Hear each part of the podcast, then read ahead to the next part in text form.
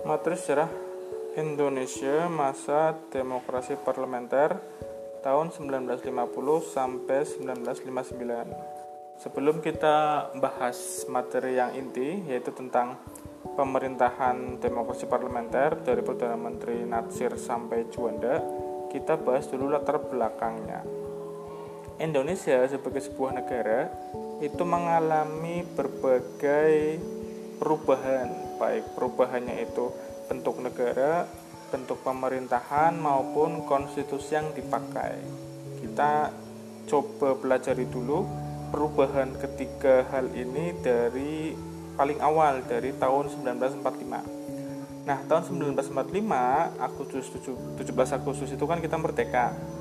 Nah, masa ini adalah masa awal kemerdekaan. Dari bulan Agustus sampai November itu kita pakai sistem presidensil. Di hasil rapat PPKI yang kedua itu kan eh, kedua atau satu itu kan mengangkat Soekarno dan Hatta sebagai presiden. Berarti sistemnya itu presidensil. Pemerintahannya itu sistemnya presidensil. Nah kemudian ada juga keputusan PPKI PPKI yang berisi itu Partai Nasional Indonesia itu sebagai partai utama. Nah, ini itu kayak tidak sesuai dengan kehidupan demokrasi. Makanya sekitar bulan September itu ada berbagai masukan dari KNIP gimana kalau sistem kita itu jangan sistem monopartai karena kesannya itu bukan kesannya sih karena sistem monopartai itu nanti jatuhnya ke sistem fasis atau otoriter karena hanya satu partai top yang berkuasa. Contohnya kita ambil contoh sekarang itu di Rusia hanya ada satu partai, di Cina hanya ada satu partai. Jadi mereka itu otoriter. Nah, dari usulan ini kemudian keluarlah yang namanya maklumat wakil presiden nomor X. Nomor X itu sebenarnya harusnya diganti tapi nggak diganti gitu. Tanggal 3 Oktober yang memutuskan bahwa Indonesia itu akan memakai sistem multipartai. Nah, setelah e, keputusan ini dikeluarkanlah, dikeluarkan banyak berdiri partai-partai misalnya Partai Masyumi, Partai PKI, Partai PNI, PSI, Partai Buruh dan seterusnya. PSI itu Partai Sosialis Indonesia, PKI itu Partai Komunis Indonesia, PNI itu Partai Nasionalis Indonesia. Jadi ada banyak partai yang berdiri. Nah, kemudian setelah sistemnya multipartai, keluar lagi maklumat 14 November 1945 di mana pemerintahan itu dipegang oleh menteri perdana menteri yang akhirnya itu sistem pemerintahan yang semulanya presidensial berganti jadi parlementer karena apa? Karena yang memegang kekuasaan eksekutif walaupun itu presiden tapi yang menjalankan roda pemerintahannya itu adalah perdana menteri. Jadi ada pembagian kekuasaan yang lebih lebih ini lagi lebih terfokus lagi. Nah, ini itu dari tahun berapa? 45 sampai 48. Nah, setelah maklumat 14 November ini keluar, mulai dari November 45 sampai November 1948 itu Indonesia masuk ke dalam masa demokrasi parlementer tapi pada masa Indonesia masa revolusi. Tahun 45 sampai 48 itu kan masih ada agresi militer 1, agresi militer 2 istilahnya itu mempertahankan kemerdekaan dari Belanda. Jadi itu selama hampir 4 tahun Indonesia memakai sistem parlementer nah perkembangan selanjutnya tahun 48 itu kan ada perjanjian KMB Konferensi Meja Bundar Indonesia. Itu setelah perjanjian KMB itu berubah bentuk berubah bentuk menjadi RIS Republik Indonesia Serikat yang diawali dari konferensi Malino. Malino itu berarti di Sulawesi itu adalah pembentukan PFO atau negara-negara federal kayak Indonesia Timur, kayak apa Sunda dan seterusnya. Nah, KMB ini, KMB ini, KMB ini kan wakilnya itu kan terdiri dari tiga perwakilan, perwakilan dari RI, perwakilan dari Belanda, dan perwakilan dari PFO. Nah, ketiga perwakilan ini kemudian sepakat untuk membentuk yang namanya RIS Republik Indonesia Serikat dengan konstitusinya itu adalah konstitusi RIS. Jadi selama hampir satu tahun itu Indonesia itu berbentuk federasi dari tahun 49 sampai 50. Nah, lama-kelamaan karena ada proses politik, ada proses banyak hal, RIS itu bubar. Negara-negara bagian tadi, PFO PFO tadi itu kemudian itu kayak e, membubarkan diri, bergabung lagi ke dalam Republik Indonesia. Nah, kemudian setelah semuanya bergabung, RIS bubar, Indonesia itu menjadi negara kesatuan kembali, negara kesatuan Republik Indonesia tetapi dengan pemerintahan yang parlementer. Masih tetap masih tetap parlementer. Cuma pada masa ini tuh tahun 1950 karena sistemnya parlementer undang-undangnya kan beda. Undang-undang yang kita buat pada PPKI itu rapat PPKI ke 1 2 3 itu kan yang disahkan itu adalah undang-undang dengan sistem presidensil. Sedangkan tahun 50 itu kan kita mau membuat sistem parlementer sudah berjalan tapi undang-undangnya itu belum belum memenuhi. Karena pembuatannya itu tidak tidak apa ya dikhususkan untuk parlementer makanya mulai tahun 50 itu eh, sistemnya parlementer bentuk negaranya kesatuan tapi undang-undang yang dipakai itu adalah undang-undang dasar sementara sementara itu maksudnya bahwa pemerintahan itu akan membuat undang-undang baru yang disesuaikan dengan sistem pemerintahan parlementer. Nah, ini ini dari tahun 50 sampai 59. Jadi eh, ada berapa masa ini? 1 2 3 4 4 4 periode. Periode pasca kemerdekaan, periode Indonesia masa revolusi, periode RIS, kemudian yang akan kita bahas nanti adalah periode demokrasi parlementer tahun 50 sampai 59. Nah, itu latar belakang dari demokrasi parlementer. Sekarang kita bahas tantangan-tantangan yang dihadapi pada tiap masa pemerintahan. Tahun 45 itu adalah kita itu merancang sebuah negara. Kita melengkapi alat kelengkapan negara mulai dari kementerian, kemudian penunjukan wilayah, kepala daerahnya, menunjuk eh, panglimanya, angkatan perangnya, kemudian KNIP-nya. Jadi kita itu fokus ke alat kelengkapan negara itu dari tahun 45. Nah, selanjutnya masa Indonesia Indonesia masa revolusi tahun 45 sampai 48 itu adalah tantangannya adalah mempertahankan kemerdekaan bangsa Indonesia dari agresi militer 1, agresi militer 2, kemudian ada tantangan masa bersiap, revolusi sosial dan seterusnya.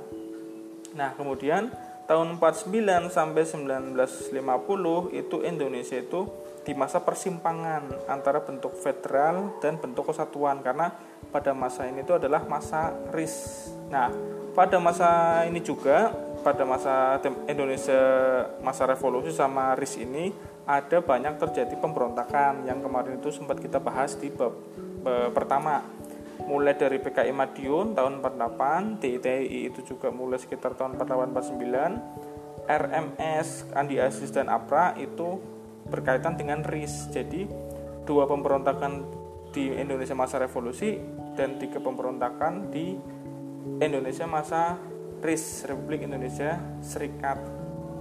Nah, setelah RIS bubar tahun 1950 sampai 1959 itu tantangannya adalah merancang undang-undang baru yang disusun oleh Dewan Konstituante. Jadi, karena demokrasi terpimpin ini masih menggunakan undang-undang dasar sementara, itu kan masih masih istilahnya cuma undang-undang darurat. Mereka itu butuh sebuah undang-undang yang benar-benar uh, inkrah atau apa ya namanya ya pasti udah fix nah itu mereka sedang mencoba membuat undang-undang dasar baru yang di dikomandoi oleh Dewan Konstituante. Jadi Dewan Konstituante ini itu kayak kayak memimpin rapat pembentukan atau membuat undang-undang dasar baru. Itu tantangan pertama. Yang kedua dinamika politik. Dinamika politik oleh partai-partai politik. Tadi kan sudah kita bahas ya, tahun 50 sampai 59 itu kan kita demokrasi parlementer ada fokus dalam membuat undang-undang dasar baru.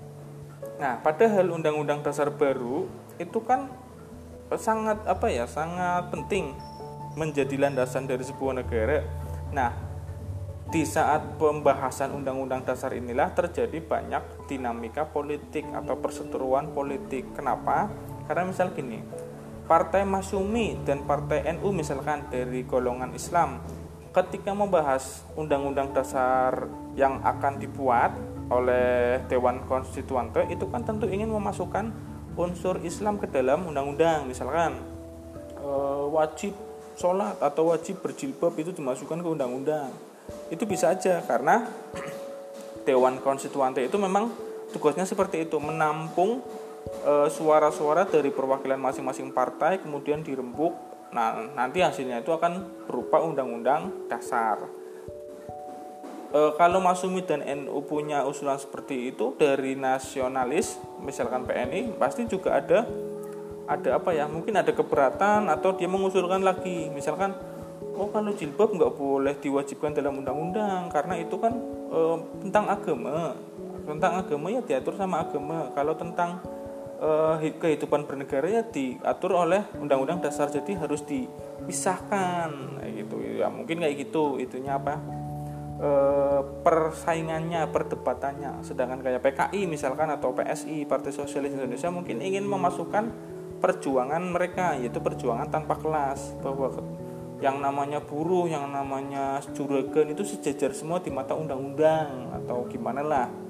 Nah ini nanti kemudian menciptakan dinamika politik antara partai yang satu dengan yang lain itu kadang berkoalisi, kadang juga berseteru. Jadi sangat dinamis. Itu pada masa tahun 1950 sampai 59. Nah, kemudian tantangan selanjutnya adalah tantangan perekonomian. Seperti kita tahu, Indonesia merdeka tahun 45. Tahun 46 sampai 49, 48 itu kan kita perang kemerdekaan, mempertahankan kemerdekaan dari Belanda. Jadi perekonomian kita itu hampir hampir apa ya? Hampir ambruk. Karena yaitu tidak ada kegiatan ekonomi tapi malah perang terus. Nah, tugas yang diemban oleh demokrasi parlementer ini tahun 50 sampai 59 itu salah satu yang terberat adalah membangun kembali perekonomian perekonomian Republik Indonesia. Makanya nanti pembahasan kita itu banyak akan membahas uh, kebijakan ekonomi apa yang diambil oleh masing-masing kabinet demokrasi parlementer karena memang pembangunan ekonomi pada masa-masa ini itu sangat krusial. Nah itu akan kita bahas lebih lanjut di masing-masing nanti eh, masing-masing kabinet. Nah ini jadi tantangannya itu ada ada ada apa ya masing-masing zaman itu ada tantangan-tantangan tersendiri. Nah nanti dari latar belakang dan tantangan-tantangan yang dihadapi ini itu menjadi landasan kita dalam mempelajari tiap-tiap kabinet.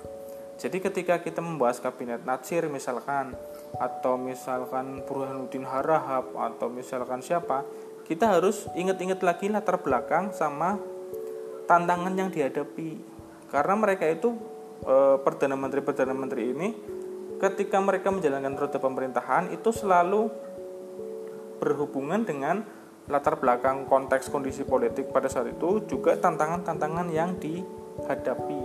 Nah, misalkan eh, tantangan Irian Barat itu hampir setiap setiap kabinet itu pasti memperjuangkan eh, dalam kebijakan ekonomi tiap ke, tiap kabinet itu pasti akan membuat kebijakan ekonomi yang mencoba untuk supaya ekonomi nasional itu bangkit.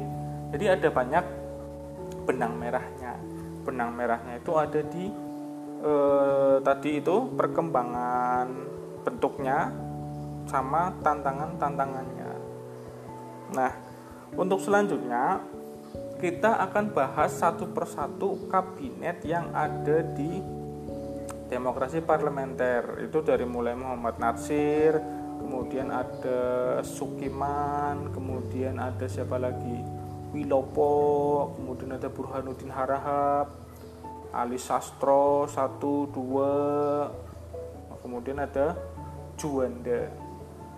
Nah untuk pembahasan selanjutnya akan kita bahas di podcast-podcast berikutnya ya. Ini untuk untuk materi hari ini cukup sampai di sini dulu. Nanti kita akan sambung dengan pembahasan masing-masing kabinet.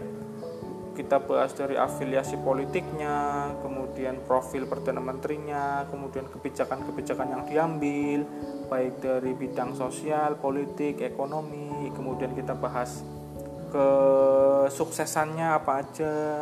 Kita juga bahas kegagalannya apa atau kebijakan yang misalkan dalam implementasinya ada kegagalan dan masa akhir masa pemerintahan. Misalkan dia diturunkan itu karena apa. Jadi itu nanti akan kita bahas lebih lengkap di pertemuan selanjutnya. Untuk untuk materi ini tim Indonesia Maju Demokrasi Parlementer ini untuk materi awal cukup kita sampai di sini dulu